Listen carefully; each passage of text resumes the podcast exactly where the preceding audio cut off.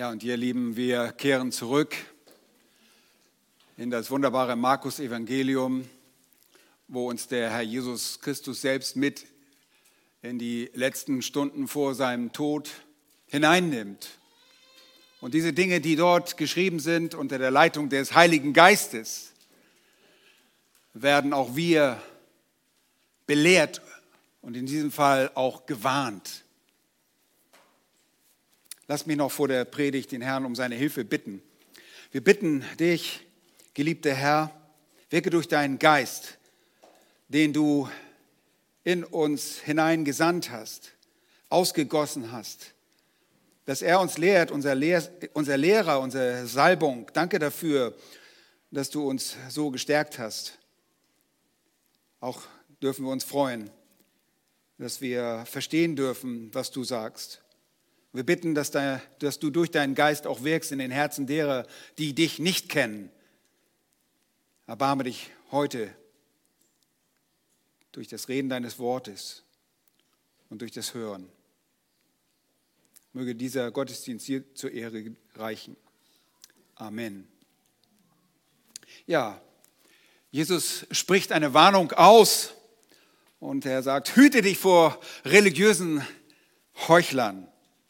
Jesus kommt hier zum Ende seines öffentlichen Dienstes im Tempel und den ganzen Tag hatte er den Menschen im Tempel Lehre gebracht. Er hatte sie belehrt. Es sieht so aus, dass er das ununterbrochen getan hat. Und hier zum Ende kommen aus seinem Mund äußerst wichtige Worte. Zunächst für das Volk und alle Beistehenden wohl vernehmbar und in einem zweiten Abschnitt, der aber eigentlich dazugehört, eine genauere Belehrung der Jünger, den er dann die Folgen der religiösen Heuchelei deutlich vor Augen stellt. Eine Warnung, hüte dich vor religiösen Heuchlern. Aber lasst uns einmal die angesprochenen Personengruppe der Schriftgelehrten ansehen und was sie ausmachte. Wir gehen durch den Text, äh, während wir diesen Text auslegen. Erstens ihre scheinbare Heiligkeit in den Versen 38, 39 und 40b. Ich lese ab Vers 38. Und er sagte ihnen in seiner Lehre, hütet euch vor den Schriftgelehrten, welche gern im Talar einhergehen und auf den Märkten sich grüßen lassen und die ersten Sitze in den Synagogen und die obersten Plätze bei den Mahlzeiten einnehmen wollen. Dann Vers 40b spricht, zum Schein sprechen sie lange Gebete. Ja, Jesus führt hier speziell ein paar Dinge der religiösen Leiter der Juden an, die äußerlich gesehen und von der Betrachtung des Volkes her zunächst auf eine Absonderung für Gott hindeuten. Sie sind scheinbar in der Schrift bestens belehrt. Sie sind schließlich bekannt als Schriftgelehrter. Und das lassen sie auch durch ihr gesamtes Auftreten durchscheinen. Sie tragen eine leicht identifizierbare und scheinbar angemessene Kleidung. Wörtlich sind das Stolen von Stola, Mehrzahl, in denen sie herumliefen.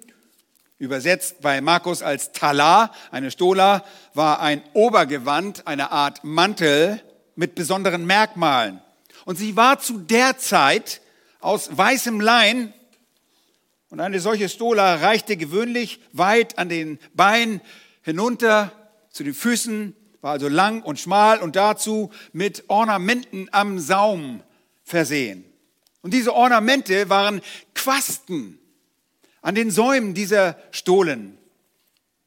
Quasten sind am oberen Ende zusammengefasste, gleich lange Fäden, die dann jeweils am Saum des Gewandes, manchmal mit äh, blauen Purpurschnüren befestigt wurden und dort dann baumelten. Und laut 4. Mose 15 und 39 und 40 sollten alle Israeliten an den Zipfeln ihrer Obergewände Quasten tragen.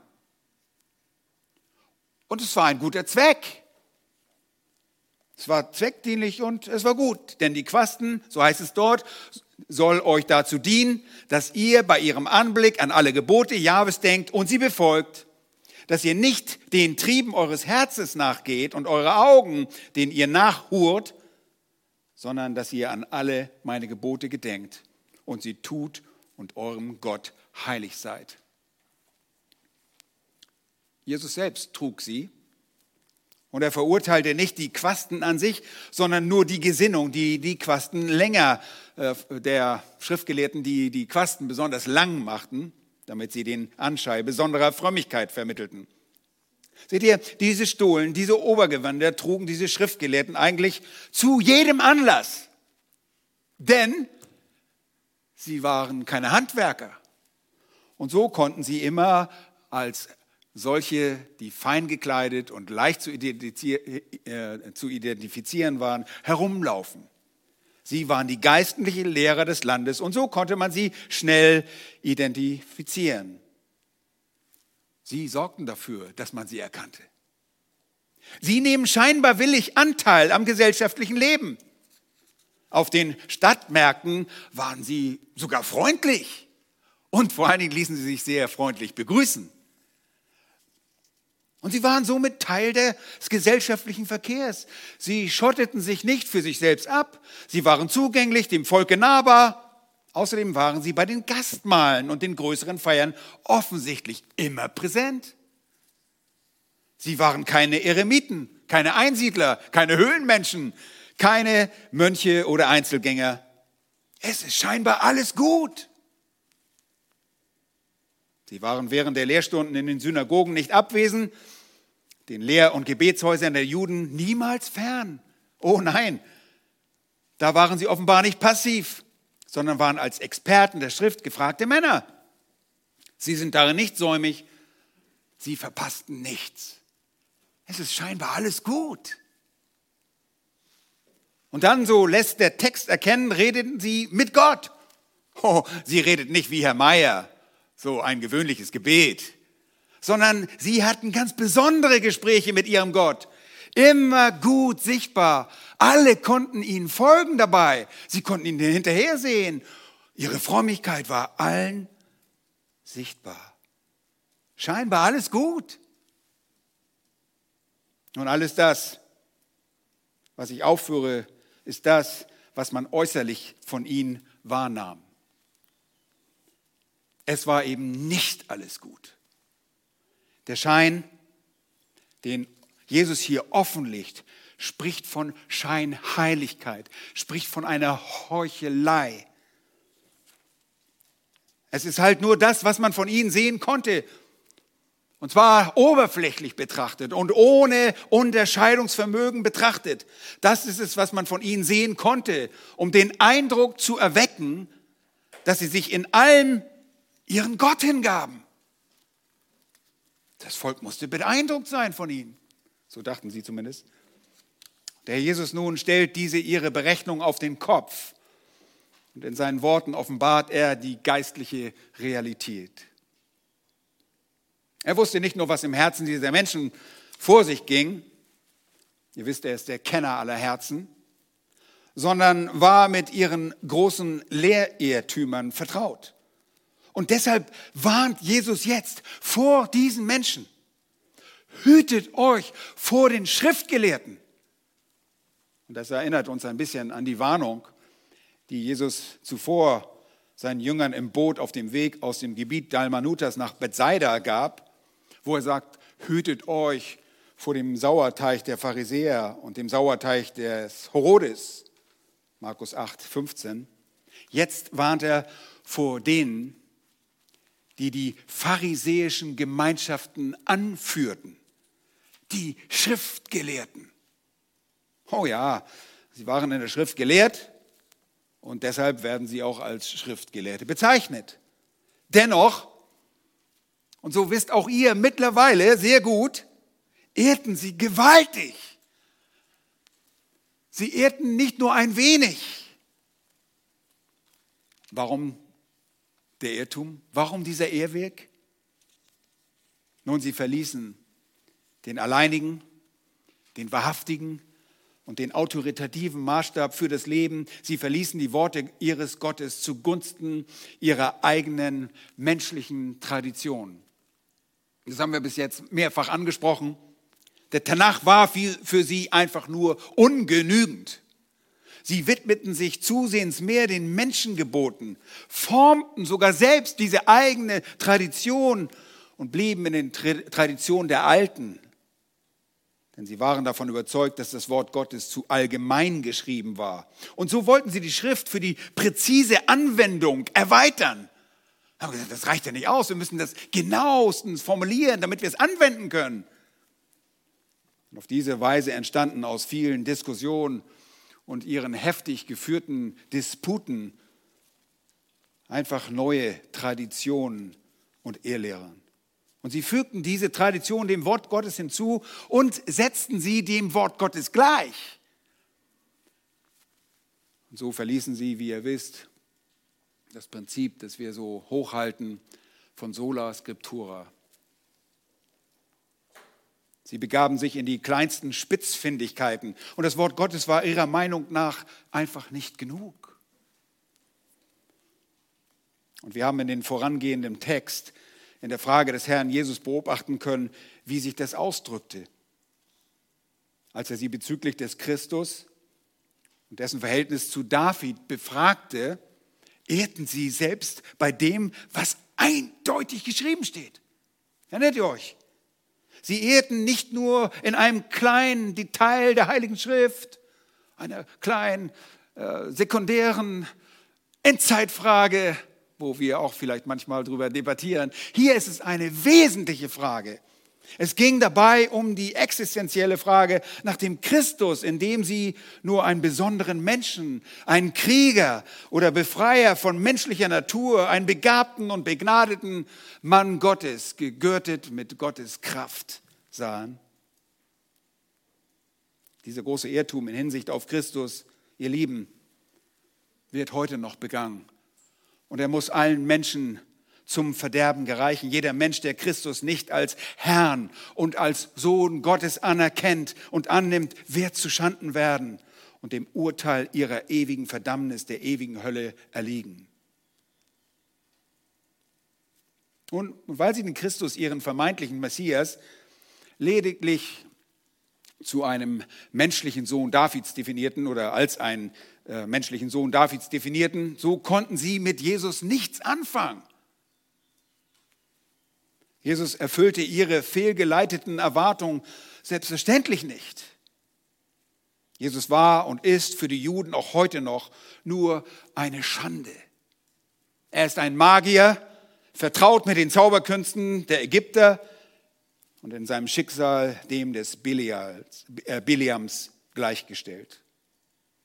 Lieben, welch eine katastrophale Haltung dieser religiösen Heuchler. Das Problem im Leben dieser Schriftgelehrten war dabei aber nicht, dass sie Jahwe nicht bekannten, dass sie sich etwa verbal von ihm distanzierten. Oh nein, das würde die Sache ja einfach machen. Das große Problem ist, dass sie sich verbal zu ihm bekannten. Das Problem und ihre große Schuld lag darin, dass sie Jahwe nicht liebten. Erinnert ihr euch? Eine der besten Definitionen für ein Verhältnis, ein rechtes Verhältnis zu Gott ist, dass wir ihn lieben. Sie liebten ihn nicht. Sie kannten ihn nicht und sie liebten ihn nicht auf eine vertraute Art und Weise. Sie liebten seine Worte nicht und sie liebten sein Volk nicht und sie waren deshalb auch keine Bürger des Reiches Gottes. Bestenfalls waren sie nah dran. Wie wir in Vers 34 von einem Schriftgelehrten lesen, beziehungsweise das aus Jesu Mund hören, dass er nah dran war. Und sie waren nicht durch das gekennzeichnet, was sie bis zum heutigen Tag so sicher als rechtschaffende Juden täglich rezitieren. Was ist das? Das Schema. Höre Israel, Jahwe, unser Gott ist Jahwe allein und du sollst Jahwe, deinen Gott, lieben mit deinem ganzen Herzen, mit deiner ganzen Seele und mit deinem ganzen Denken, mit deiner ganzen Kraft. Sie, sie rezitieren das. Das ist das erste Gebot. Und das zweite ist, du sollst deinen Nächsten lieben wie dich selbst. Größer als diese ist kein anderes Gebot. Ihr Lieben, sie hörten nicht. Obwohl das Wort Shema so deutlich, höre Israel, Shema Israel. Sie hörten nicht. Und die Juden hören heute noch immer nicht auf dieses Wort. Und sie konnten und können es heute nicht, oder sie können es heute nur gefühlslos und lieblos wiedergeben. Aber ja, wir lieben. Und dazu noch genauso den Nächsten lieben wie sich selbst. Das war ihnen fremd. Die Liebe selbst war nicht Teil ihres Lebens. Und so waren sie Heuchler. Und das, was sie lebten, war eine Scheinreligion. Ein, eine scheinbare Beziehung, die keine Beziehung war. Und auch das äußere Auftreten sprach von ihrer Scheinheiligkeit. Natürlich präsentierte Jesus das auf diese Art und Weise und er sagte ihnen in seiner Lehre, hütet euch vor den Schriftgelehrten, welche gern im Altar einhergehen, äh, Talar hergehen, nicht im Altar, mit Talar, mit, ihrer, mit ihrer Stola. Sie taten das äußerst gerne, denn darin wurden sie wahrgenommen. Und auf den Märkten ließen sie sich besonders gerne grüßen. Sie ließen sich sehr gerne in der Öffentlichkeit grüßen. Da heißt es Matthäus 23, wenn sie von den Leuten Rabbi, Rabbi genannt wurden, dann schwoll ihnen die Brust. Und ihr Ego wurde genährt. Und Jesus sagte dazu dann anschließend, ihr sollt euch nicht Rabbi nennen lassen, denn einer ist euer Meister, der Christus, ihr aber seid alle Brüder. Nennt auch niemand auf Erden euren Vater, denn einer ist euer Vater, der im Himmel ist. Auch sollt ihr euch nicht Meister nennen lassen, denn einer ist euer Meister, der Christus. Ihr Lieben, ganz offensichtlich hat der Papst an dieser Stelle äh, Nickerchen gemacht, der sich gerne Heiliger Vater nennen lässt. Vers 39, und die ersten Sitze in den Synagogen, die begehrten sie. Und sie nahmen auch die vordersten Ehrensitze dort ein. Diese Lehr, in diesen Lehrhäusern saßen sie vorne gegenüber diesem Schrank, in dem die Schriftrollen verstaut waren, nahmen sie gut sichtbar für alle Platz ein auf dem Lehrstuhl des Moses. Dieser Ausdruck sprach von ihrer Anmaßung, höchste und allein höchste Lehrautorität zu besitzen. Auf Moses Stuhl zu sitzen bedeutete genau das. Und es kommt ungefähr dem gleich, ich denke, MacArthur sagt es in seiner Fußnote irgendwo, dass äh, es dem äh, Universitäts-, dem Lehrstuhl einer Universität gleichkommt. Sie haben sich selbst auf Moses Stuhl gesetzt, heißt es dort in äh, Matthäus Evangelium auch, dass sie also nur sich selbst diese Autorität äh, zurechneten und dass sie sie sich angemaßt hatten. Eigentlich waren Priester und Leviten diejenigen, die man fragen sollte, befragen sollte. Ihr erinnert euch in Maleachi, ein Priester sollte man befragen in Bezug auf das Gesetz, aber sie maßen sich an, selbst diese Autorität zu besitzen. Nun, sie hatten sich dieser Autorität angemaßt, weil sie selbst Traditionen zu dem Wort Gottes hinzugefügt hatten. Und damit waren sie nicht zufrieden. Überall mussten sie die Ersten sein. Und das erinnert ein bisschen an diesen Deo Trefis in der Gemeinde, der auch überall der Erste in der Gemeinde sein wollte. Hier ist jemand, hier sind Menschen, die die Ersten sein wollen, auch auf den Plätzen bei den Mahlzeiten, wenn sie eingeladen wurden, dann wollten sie diese Ehrenplätze einnehmen. Und solche wohl angesehenen Leute wurden häufig eingeladen und dann bekamen sie den Ehrenplatz direkt neben dem Gastgeber. Und neben dem Gastgeber genossen sie dann eine besondere Behandlung.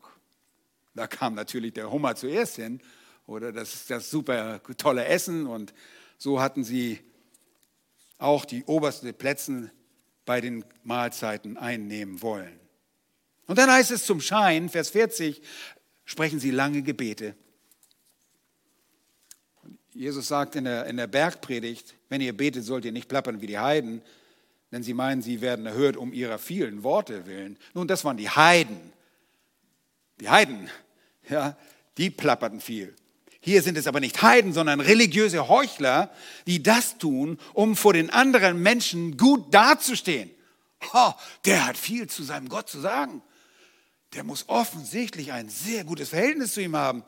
Aber sie taten es nicht aus Verlangen zu ihrem Gott, nicht aus Liebe, nicht aus dem Bedürfnis, ihm alle ihre Anliegen kundzutun, sondern aus dem Verlangen, selbst gut vor anderen dazustehen. Sie sprechen diese Gebete zum Schein. Vers 40 lesen wir noch von einer weiteren schrecklichen Tatsache, nämlich, dass sie die Häuser der Witwen fressen. Ungewöhnlicher Ausdruck für uns, aber das ist ein Bild ihrer unverhohlenen Räuberei. Offenbar nutzen sie die Schwäche dieser Frauen, dieser äh, Frauen, die keinen Schutz durch ihren Ehemann oder ihre Familie hatten, die ohne ihre Männer wirklich schutzlos waren, um sie zu überreden, ihre Anwesen oder ihren Besitz diesen Männern zu überschreiben. Könnt ihr euch das vorstellen? Eine alte Witwe, vielleicht verliert sie ihre mentalen Fakultäten, ihre, äh, ist nicht mehr mental ganz bei Sinn, hat vielleicht Demenz und es ist einfach, eine Witwe zu überreden, das zu tun. Und sowas nutzten sie. Eine alte, gebrechliche, vielleicht schon mental eingeschränkte Witwe konnte so leicht zum Opfer dieser skrupellosen Dieberei werden. Und das verurteilt Jesus äußerst scharf. Nochmals, es war Scheinheiligkeit. Weder liebten sie Jahwe, noch liebten sie den Nächsten wie sich selbst. Liebe war nicht Teil ihres Lebens. Nicht ganz, denn schaut hin.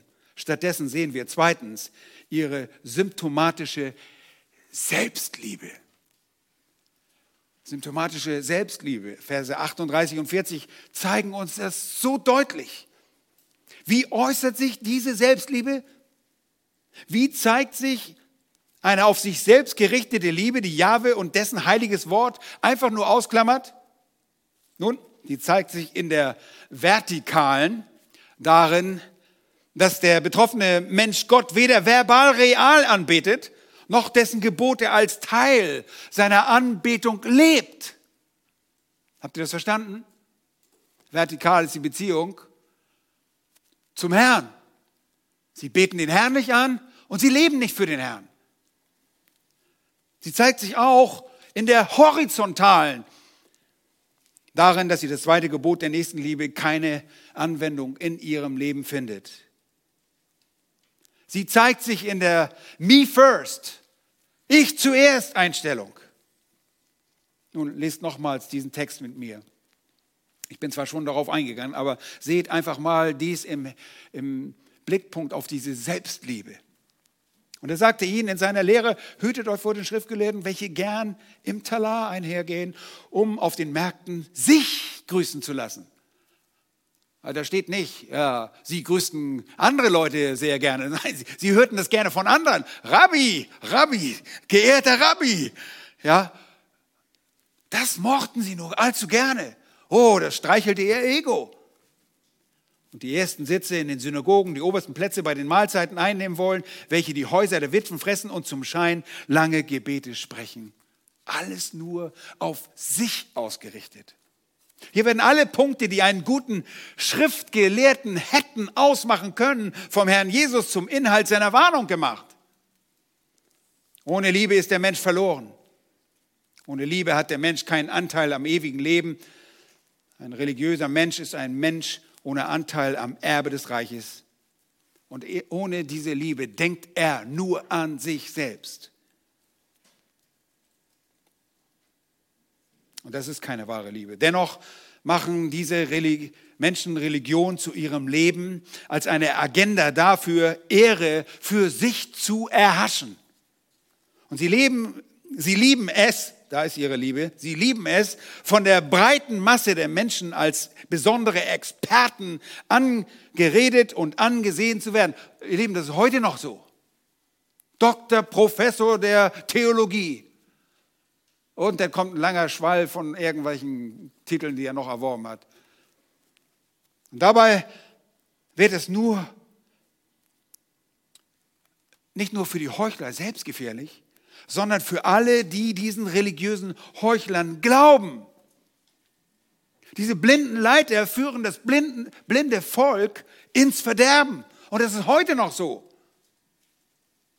Und deshalb seid alle vor religiöser Heuchelei gewarnt. Diese Menschen sind gefährlich und heimtückisch, denn sie geben etwas vor, was sie nicht sind und was sie nicht kennen.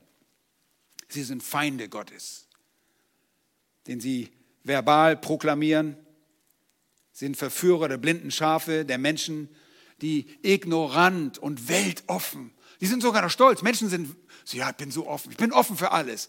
Problem, du darfst nicht offen für alles sein. Du musst offen sein für die Wahrheit, aber nicht für alles. Und so werden diese Menschen, die ignorant sind, die nicht unterwiesen worden sind, zum Opfer dieser religiösen Heuchler. Sie verstellen sich, um möglichst gut darin zu sein. Ihr lieben Besucher oder Livestream-Zuhörer oder Videobetrachter, der du vielleicht Gott nicht kennst. Du hast möglicherweise nur mit diesen Heuchlern zu tun gehabt und denkst, dass das, was du siehst, wirklich von Gott ist. Vielleicht warst du in den Kirchen unseres Landes und hast diese unfassbare Lehre gesehen. Und ich meine damit nicht nur räumliche Lehre, sondern inhaltslos. Es ist leer, was dort gesagt wird. Diese Dinge sind nicht, was Gott sich vorstellt. Diese Heuchelei ist nicht von Gott, solange dort Menschen verkünden, die nicht einmal an Gottes Wort glauben und den Gott der Bibel für tot erklären die Bibel nicht lieben, sie immer zerpflücken und überall Fehler finden. Was ihr wahrgenommen habt, ist eine religiöse Farce. Wir verstehen euch, wenn ihr denkt, dass der Glaube an Gott eine lächerliche Angelegenheit ist, wenn du nur sowas erlebt hast. Aber das ist sie nur, weil ihr mit Heuchlern zu tun habt oder mit Heuchlern zu tun hattet. Ein religiöser Mensch, der die Vergebung der Sünde und die Wiedergeburt nicht erlebt hat, aber dennoch an Gott glaubt und religiös ist, ist äußerst gefährlich. Er kann dich in einer falschen Sicherheit wiegen, weil er dir das Heil zuspricht und sagt, es ist alles gut. Alle Menschen werden letztlich gerettet. Du bist wohl aufgehoben hier bei uns. Und diese Menschen geben vor, etwas zu sein, was sie nicht sein können. Denn diese Menschen lieben nicht Gott, sondern nur sich selbst. Diese Menschen sind beherrscht durch die Lust der Augen und des Fleisches. So ein Mensch ist beherrscht durch den Hochmut des Lebens und Stolz, ist seine Antriebsfeder. Und das sage nicht ich, das sagt die Schrift. Ein Mensch, der Gott verkündet und nicht durch Gott erneuert wurde, ist eine Schande sondergleichen. Und es wundert uns nicht, dass aus der katholischen Kirche pädophile, äh, pädophile Priester hervorgehen. Denn ihre Institution verbietet das, was Gott für gut heißt, die Ehe. Und so stehen die unmoralischen Ausbrüche dieser lüsternen Männer nur beispielhaft für die großen Laster, die seit Jahrhunderten diese Kirche kennzeichnet. Schon früh in der Geschichte findet man in den unterirdischen Gängen, den sogenannten Katakomben, abgetriebene Kinder der Nonnen, die nach außen hin genau wie die Priester ihre Heiligkeit wahren müssen, ihre Scheinheiligkeit. Statt Gott zu lieben, ist ihre Religion ein traditionelles Gehabe der Selbstliebe. In einem System und einer Hierarchie des Stolzes. Sie lieben Äußerlichkeiten. Und achtet mal drauf, sie leben Symbole und Rituale. Ich meine, so viel wisst ihr schon von diesen Kirchen.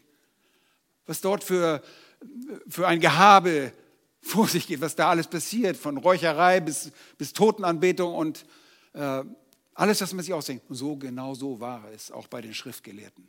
Sie liebten Symbole. Sie liebten das Äußerliche. Und weil wir die Menschen in diesem System und Menschen, die dadurch äh, durch diese oder ähnliche religiöse System gefangen sind, dennoch lieben. Wir lieben diese Menschen, verkündigen wir ihnen die Wahrheit und bitten stellvertretend für Christus, lasst euch versöhnen mit Gott. Nun, Jesus zeigt daraufhin im engeren Kreis seinen Jünger, was diese Schriftgelehrten wirklich antreibt und wozu ihre Gier führte. Der dritte Punkt, ihre schmarotzende Räuberei, Verse 41 bis 44. Ihre schmarotzende Räucherei, Räucherei heißt gut, Räuberei, Dieberei. Geräuchert haben sie auch wohl. In Vers 40 werden die Schriftgelehrten vor allen Zuhörern als solche, welche die Häuser der Witwen fressen, beschrieben. Und dann ab Vers 41 gibt der Herr Jesus den Jüngern das entsprechende Anschauungsmaterial und ein Beispiel dafür, wohin das Ganze führt. Nämlich in eine Schmarotzerei, schmarotzende Räuberei. Das sind Parasiten. Das ist keine Symbiose, sondern da wird alles rausgeholt, was man rausholen konnte für sich. Lass uns die Verse, noch, Verse nochmals lesen oder zum ersten Mal lesen, damit ihr das gedanklich besser verfolgen könnt. Und Jesus setzte sich dem Opferkasten gegenüber und schaute zu, wie die Leute Geld in den Opferkasten legten. Und viele Reiche legten viel ein. Und es kam eine arme Witwe, die legte zwei Schärflein ein, das ist ein Groschen. Da rief er seine Jünger zu sich und sprach zu ihnen, Wahrlich, ich sage euch, diese arme Witwe hat mehr in den Opferkasten gelegt, als alle, die eingelegt haben. Denn alle haben von ihrem Überfluss eingelegt. Diese aber hat von ihrer Armut alles eingelegt, was sie hatte, ihren ganzen Lebensunterhalt. Ein Kommentator beginnt mit der Auslegung dieser Passage mit den Worten, Zitat Beginn, wie ein frischer Wind folgt in diesem Abschnitt nun eine Begebenheit, die einem das Herz erfreut. Zitat Ende. Wirklich. Erfreut euch das Herz dabei, wenn ihr diese Geschichte lest? Absolut nicht. Ich denke eher nicht. Das ganze Ereignis ist eher etwas, was das Herz bekümmert und es zornig werden lässt. Dieser Text wird meines Erachtens häufig falsch ausgelegt und als Motivation, Motivation für freigiebiges Geben gepredigt oder auch genutzt. Nicht nur, aber häufig in charismatischen Kreisen folgen diesem Abschnitt die reinsten Melkpredigen. Und da werden die Leute so ausgenommen wie eine Weihnachtsgans. Menschen werden durch die falsche Auslegung dieser Worte dazu animiert, finanziell, unüberlegt alles zu geben, ihren ganzen Besitz zu des Reiches, ja, in das Reich Gottes natürlich. Und das beflügelt diese geldliebenden Prediger dazu, ignorante und unbelehrte, schwache und mental eingeschränkte Menschen, verwehrte Menschen zu geben und ausgenommen zu werden, sie auszunehmen. Und hier ist die Absicht, auf großzügiges Geben zu betonen, wirklich nicht die Intention des Textes. Hier ist nicht Geben das Thema. Hier ist eher das Nehmen das Thema. Das bereitwillige Geben dieser Witwe für das Werk eines religiösen, korrupten Systems kann nicht tatsächlich dazu gebraucht werden, um Menschen zum Geben anzusporen. Ein anderer Kommentator, der einem ähnlichen Irrtum aufgesessen ist, sagt zum Akt dieser Witwe, Zitat Beginn, das war Hingabe ohne Vorbehalt und das war es, worauf es dem Herrn ankam. Ihre Tat veranlasste ihn zu einer Jüngerbelehrung. Zitat Ende. Wirklich? Glaubt ihr wirklich, dass dieser Geldeinwurf ein Akt war, worum es dem Herrn Jesus ging? Wohl kaum. Nun, in der Jüngerbelehrung ist dieser Ausleger korrekt. Denn jetzt ist es nur der Jüngerkreis, der diese Dinge gesagt bekommt. Aber diese Dinge werden nicht in Hinsicht auf das Geben gesagt. Nirgendwo in der Heiligen Schrift werden wir dazu aufgefordert, dass wir unser letztes Hemd, wenn ihr so wollt, geben sollen. Die Witwe, die hier ihr letztes in den Opferkasten im Vorhof der Frauen einwirft, wird nicht als Beispielen des fröhlichen und freiwilligen Gebens angeführt. Niemals. Sie wird von Jesus beobachtet, wie sie als Opfer dieses religiösen Systems der jüdischen Leiter ihre komplette Habe in einen Opferkasten einwirft. Und die anschließende und sachliche Feststellung Jesu, dass die Witwe im Vergleich zu den Reichen mehr gab, macht die Ausbeute der religiösen Leiter zu einer noch groteskeren Räuberei. Schändlich. Am Tag zuvor und im Zusammenhang mit der Tempelreinigung sagte Jesus sehr treffend, mein Haus soll ein Bethaus für alle Völker genannt werden, ihr aber habt es zu einer Räuberhöhle daraus gemacht. Ihr habt eine Räuberhöhle daraus gemacht. Und das sehen wir auch hier an dieser Stelle. wir sind hier und Zeugen, werden Zeugen einer schmarotzenden Räuberei. Und diese Frau war offenbar der Schutzlosigkeit ausgeliefert. Sie hatte keinen Mann, der ihr hätte Rat geben können, kein Mann, der sie versorgt hätte. Wir lesen auch nichts von Familienangehörigen oder von irgendwelchen Kindern, die das taten. Wir wissen einfach nichts mehr von ihr, aber diese Witwe gibt nun alles von dem, was sie noch besaß. Und das war nicht sehr viel. Jesus sitzt dem Opferkasten gegenüber und beobachtet, wie auch andere dort Geld einwerfen. Und es waren viele Reiche, die viel einlegten und das, ihr Lieben, ist auch angemessen für solche Menschen. Sie sollten viel geben, wenn man viel besitzt. Übrigens gab es im Tempel und nach der Überlieferung äh, war diese, dieser Opferkasten ein ganzes Opferkastensystem.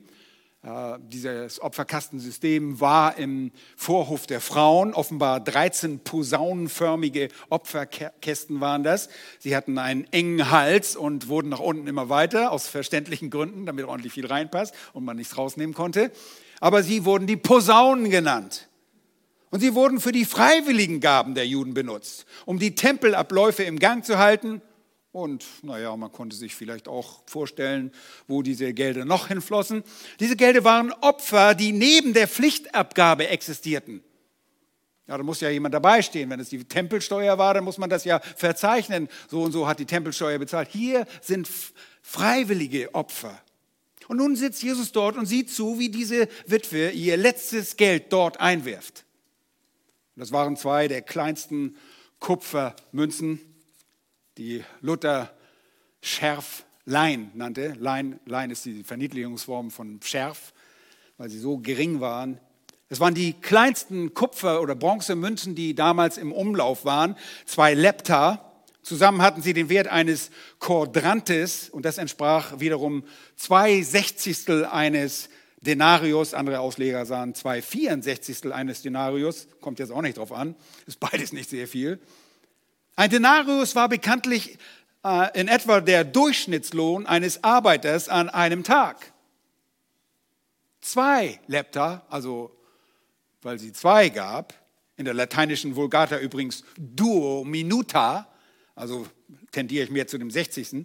Der Wert lässt sich also äh, per Sechzigstel leichter berechnen wenn ich das im Kopf mache, ihre Gabe entsprach dem Wert eines 16-minütigen Lohnes eines gewöhnlichen Arbeiters. Hammer, richtig viel. Oder? Gar nichts ist das. Jetzt, ihr Lieben, war sie absolut mittellos und eine zum Betteln verurteilte Frau. Und wir kennen ihre Motivation nicht und ihren Glauben nicht, ob sie es aus Pflichtbewusstsein tat, weil den sozialen Gaben sollte man nicht unter zwei Lepta abgeben. Ein Lepta wurde nicht akzeptiert.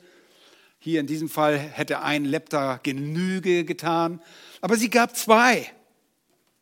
Und sie ist offenbar eine Frau, die mittellos und hilflos auf die Scharlatane des jüdisch-religiösen Systems reinfiel. Nicht nur nahmen die Schriftgelehrten Ländereien aus den Händen der Witwen, Nein, sie saugten gleichsam auch das verführte Volk finanziell aus. Und es ist an sich nichts gegen das Geben im Tempel einzuwenden. Wenn die Aufseher dieser Geldanlagen nicht so korrupt gewesen wären, wäre das alles okay. Ist alles okay, in Ordnung. Abgeben von dem, was man hat, ist eine gute Sache, das freiwillig zu tun. Diese Witwe, die möglicherweise im guten Glauben alles gab, wurde betrogen und zum Opfer dieses religiösen Systems. Bitte hört mir gut zu. Es besteht keine Tugend darin, dass du dein Geld an irgendeine Sekte opferst. Egal, ob deine Habe an die Kirche geht oder an die Zeugen Jehovas. Nein, mit solchen Dingen werden Menschen nur Teilhaber des Bösen. Hier wird das System als solches finanziell getragen, dieses korrupte System. Und hier ging es nicht um eine Tempelsteuer. Ich wiederhole das bewusst, weil die Tempelsteuer wurde auferlegt und ihr wisst, Jesus hat diese Tempelsteuer bezahlt, sondern es geht um freiwillige Gaben. Hier gibt eine Witwe nicht nur an das System, sondern diese arme Witwe gibt nur damit sie sich dann als Bettlerin in einem solchen Staat wiederfindet, in dem es kein soziales System gab. Ich konnte nicht irgendwie sagen, oh, ich beantrage Hartz IV. Ihr Lieben, daran ist nichts Ehrbares. Das ist widerlich, einfach grotesk. Von solchen armseligen Frauen gab es zu der Zeit sehr viele. Und die Gemeinde später erbarmt sich über diese armen Witwen. Und ihr erinnert euch in Apostelgeschichte 6, ist es die Gemeinde, die sich um die Witwen kümmert und ihnen Handreichung äh, darreicht, um den Verachteten, auch gleichzeitig Verachteten, denn arme Leute waren verachtet. Diese Witwen wurden versorgt und ihr wisst, damals ging es um die Vernachlässigung der hellenistischen äh, Witwen. Das waren die Witwen, die aus der Diaspora kamen und der, der Diaspora leben, lebten und durch den griechischen Einfluss deshalb auch so genannt wurden. Aber die Gemeinde erbarmt sich dieser. Ansonsten gab es kein System. Diese Frau war zum Betteln verurteilt. Und obwohl das Gesetz auch die Witwen in besonderer Art und Weise schützt, kümmerte sich kein Mensch zu der Zeit darum. Diese Witwen dient in diesem Kontext nicht als, dient deshalb nicht als Vorbild des Gebens. Wenn hier überhaupt jemand als Vorbild des Gebens gelten sollte, dann die Reichen, die von ihrem Reichtum große Gaben einwarfen. Und das ist in Ordnung, wenn es nicht um ein Geben an ein korruptes System gegangen wäre. Die Feststellung Jesu, dass die Witwe relativ oder proportional mehr einwarf als jene wohlhabenden Leute, ist urteilsfrei. Die Reichen wurden aufgrund ihres Gebens weder verurteilt noch die Witwe im Gegensatz dazu gelobt. Das fällt auf. Und in einem religiösen System werden Menschen immer ausgebeutet, wie diese Witwe, die hier an dieser Stelle eher nicht diskriminierend, das heißt im Sinne von nicht recht urteilen gibt. Es ist ein schauderhaftes Beispiel dieser Ausbeutung, dieser wirklich unfassbaren Schmarotzer, schmarotzenden Räuberei der jüdischen Religiosität zur Zeit Jesu. Oh, ihr Lieben, was für ein Ekel ist es, wenn wir heute, heutzutage Fernsehevangelisten sehen, wie ein Benny Hinn, der die Ärmsten der Armen verführt, mit einem falschen Evangelium äh, konfrontiert, die die Menschen der dann den Menschen leere Versprechungen macht. Und nachdem er seinen Zuschauern das Geld aus, der Tasche, äh, aus den Taschen gezogen hat, verprasst er es in seinen eigenen Lüsten. Und das ist keine ähm, Spekulation. Kosti Hin, der Neffe des TV-Predigers Benny Hin, der vor einigen Jahren zum Glauben kam, der Kosti, berichtet davon, wie Spendengelder an den Dienst seines Onkels verschwendet werden und wurden. Und zwar in einem äußerst gottlosen Lebensstil. Kosti erzählt in einem YouTube-Video, ist heute noch abzurufen, habe ich gerade mir nochmals angesehen in diesem Zusammenhang. Er liebte es, der Kosti, als er noch in dieser Machenschaft mitmachte, da in das Lieblingshotel in Dubai zu sein, das sein Onkel er und er gerne besuchten und er erzählt von der Royal Suite, des Hotels, die sie für 25.000 Dollar pro Nacht mieteten. Und dazu an verschiedenen Orten und auch dort Luxuskarossen, das heißt Mietfahrzeuge, an die wir Männer hier nur in unseren wildesten Träumen denken. Ihr Lieben, das ist Heuchelei, gefährliche Heuchelei. Ihr Lieben, so waren die Schriftgelehrten und das ganze religiöse System zur Zeit des Herrn Jesus. Kein Wunder, dass der Herr nicht in das Bild ihres Messias passte, wenn er in Demut auf einem Eselsfüllen nach Jerusalem einritt. Sie hatten ganz andere Erwartungen. Wenn wir diese Dinge betrachten, dann verstehen wir die Warnung unseres Herrn. Diese Menschen sind gefährlich, weil sie sich selbst lieben so wie im Alten Testament von den Propheten gesagt wird, sie weideten sich selbst. Und deshalb umso größere Irrtümer verbreiten. Sie sind gefährlich, weil der unerrettete religiöse Heuchler ein räuberisches Herz hat. Statt als Schriftgelehrter Jahwe groß zu machen, ging es darum, sich selbst groß zu machen. Und sie schieben sich in den Vordergrund, statt den, den sie groß machen sollten. Sie nehmen seine Ehre für sich in Anspruch. Deshalb hüte dich vor religiösen Heuchlern. Diese Dinge sind nie ohne Folgen. Sie treffen das ignorante und geistig gesehen offene Volk. Die Leute, die meinen, sie sind so tolerant, sie hören sich alles an, was sie und sind für alles bereit, alles aufzunehmen. Aber liebe, ihr Lieben, religiöse Heuchelei hat auch immer, immer bittere Konsequenzen für den Heuchler selbst.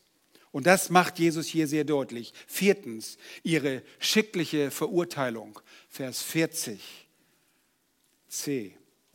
Diese werden ein umso schwereres Gericht empfangen. Die Verurteilung der Schriftgelehrten werden in Vers 40 in aller Deutlichkeit ausgesprochen. Und das bekamen alle mit. Nicht nur die Jünger. Die Jünger bekamen nur das zu sehen, was aus diesem System wurde. Aber hier bekommen es alle mit. Diese Verurteilung ist schicklich, sie ist in dem Sinne schicklich, sie ist angemessen, sie ist angebracht, sie ist passend. Und das macht das zum Gericht gehörige Adjektiv schwer, und das wird im Komparativ, in der Steigerung wiedergegeben, schwerer, es wird schwerer sein. Exzessiver, das ist das, das Maß überschreitend. Es wird größer sein als andere Gerichte. Das Gericht wird als Höllenfeuer über diese Männer ergehen und es wird heißer sein als für den Rest aller anderen gottlosen Menschen. Wir kennen in der Schrift, dass es Abstufungen in der Härte von Gericht und Verurteilung gibt. Jesus sagte zum, zum Beispiel von den Ortschaften, in denen er die meisten Wundertaten vollbrachte, in Lukas 10, Verse 13 bis 15, wehe dir Korazin, wehe dir Bethsaida. Denn wenn in Tyrus und Sidon die Wundertaten geschehen wären, die bei euch geschehen sind, so hätten sie längst in Sack und Asche sitzen Buße getan. Doch es wird Tyrus und Sidon erträglicher gehen im Gericht als euch. Und du, Kapernaum, erinnert euch, Kapernaum, das temporäre Zuhause unseres Herrn, die du bist zum Himmel erhöht worden. Und das ist das Bild dafür, weil der Herr Jesus Christus unter diesen Einwohnern lebte. Gott lebte unter ihnen. Du wirst bis zum Totenreich hinabgeworfen werden. Ihr Lieben, das Gericht der Hölle ist für alle ein schweres, aber es trifft Menschen, die das Wissen von Jesus haben und ihre Knie nicht vor ihm beugen, härter als alle Unwissen, denn es treffen wird. Nun, wir wissen, Unwissenheit schützt vor Strafe nicht. Und wenn du heute diese Botschaft hörst, dann gehörst du zu denen, die Wissen besitzen. Du musst dich vor Jesus beugen. Jesus, als er über Bereitschaft in Hinsicht auf sein Kommen lehrte, sagte in Lukas 12, der Sklave aber, der den Willen seines Herrn kannte und sich nicht bereit hielt und auch nicht nach seinem Willen tat, wird viele Schläge erleiden müssen. Wer ihn aber nicht kannte und doch tat, was Schläge verdient, der wird wenig Schläge erleiden müssen. Denn wem viel gegeben ist, bei dem wird man viel suchen. Und wem viel anvertraut ist, von dem wird man desto mehr fordern. Hier in unserem Text sind Menschen angesprochen, über die das härteste Urteil gehen wird das härteste Gericht ergehen wird, denn ihnen wurde viel gegeben. Sie hatten die volle Evidenz davon, dass Gott, der Messias, in der Person seines Sohnes als Mensch unter ihnen war. Sie hatten volle Erkenntnis darüber, dass Jesus nicht ein gewöhnlicher Mensch war. Dennoch schrieben sie all seine Werke dem Teufel zu. Sie hatten den Sohn Gottes leibhaftig unter sich. Sie glaubten von sich, Bürger des kommenden Reiches zu sein. Aber dem war nicht so. Und Jesus lehrte, dass vielen, viele Menschen vom Osten und Westen kommen werden und im Reich der Himmel mit Abraham und Isaac und Jakob zu Tisch sitzen werden. Matthäus 8, Vers 12. Aber die Kinder des Reiches werden in die äußerste Finsternis hinausgeworfen werden. Wisst ihr, wer die Kinder des Reiches sind? Das sind diese Israeliten. Die meinten, sie wären Erben des Reiches. Und dort wird Heulen und Zähneknirschen sein. Böse Menschen, die nicht dienen, weil sie denken, dass der Herr nicht kommt, wird es genau wie diesen Heuchlern ergehen. Was macht der Richter mit ihnen? Er wird sie in hauen und ihnen seinen Teil mit den Heuchlern geben. Und da wird es Heulen und Zähneknirschen geben. Ihr Lieben, das ist ein angemessenes, schickliches Urteil für alle Gottlosen aber auf jeden Fall für diese heuchlerischen, religiösen Menschen zur Zeit Jesu, die Schriftgelehrten, die Pharisäer, die Sadduzäer und auch die Hohenpriester.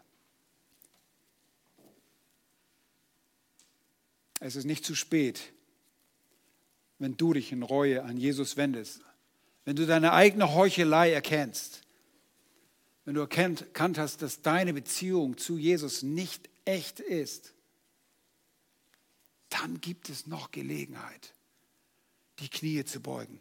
Hier und jetzt. Oh, lass das nicht an dir vorübergehen. Beuge deine Knie vor dem Herrn, vor dem Sohn Gottes. Eines Tages musst du es tun. Und wenn du es hier nicht tust, dann wirst du verdammt sein in alle Ewigkeiten. Und wie wird es dort sein? Dort wird es Heulen und Zähneknirschen geben. Wenn du entdeckt hast, dass du Jesus nicht liebst und deine ganze Geistlichkeit eine religiöse Farce ist, dann komm heute zu Jesus. Bekenn ihm deine Schuld. Dafür geht er zwei Tage später ans Kreuz, damit alle, die an ihn glauben, nicht verloren gehen, sondern ewiges Leben haben und Erben des Reiches sein werden.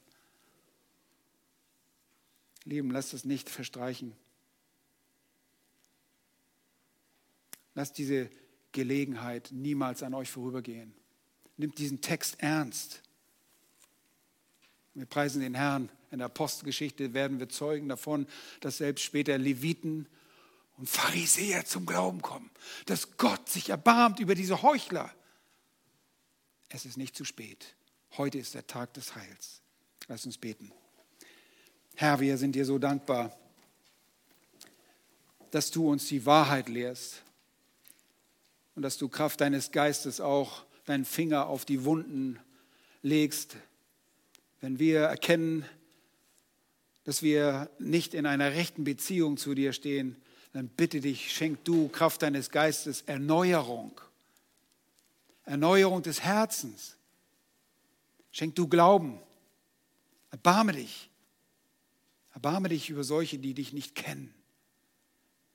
die meinen dich zu kennen, aber ihr Leben eine andere Sprache spricht. Oh Herr, wir danken dir, dass du all das auf dich genommen hast, dass du dich von diesen Sündern ans Kreuz hast nageln lassen, um deine Gemeinde, um deine Kinder zu retten, damit wir, die wir auch einst Heuchler waren und sogar als Christen manchmal noch heucheln, danke, dass du uns vergeben hast und dass alle Sünde und alle Schuld genommen ist, dass du bezahlt hast, ein für alle Mal an dem Kreuz auf Golgatha. Dafür loben wir dich und preisen wir dich. Wir danken dir für diese ernsten Worte. Wir bitten dich auch nochmals für uns, Herr, ne, hilf uns diese Worte, wenn immer wir sie lesen, wenn es dort steht, höre, oder wer Ohren hat zu hören, der höre, oder wenn es dort steht, hütet euch, dass wir diese Worte ernst nehmen. Herr, vergib mir, dass ich oftmals diese Worte nicht so ernst genommen habe, dass ich oft auf die Machenschaften des Feindes hereingefallen bin.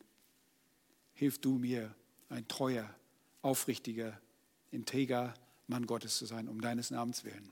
Amen.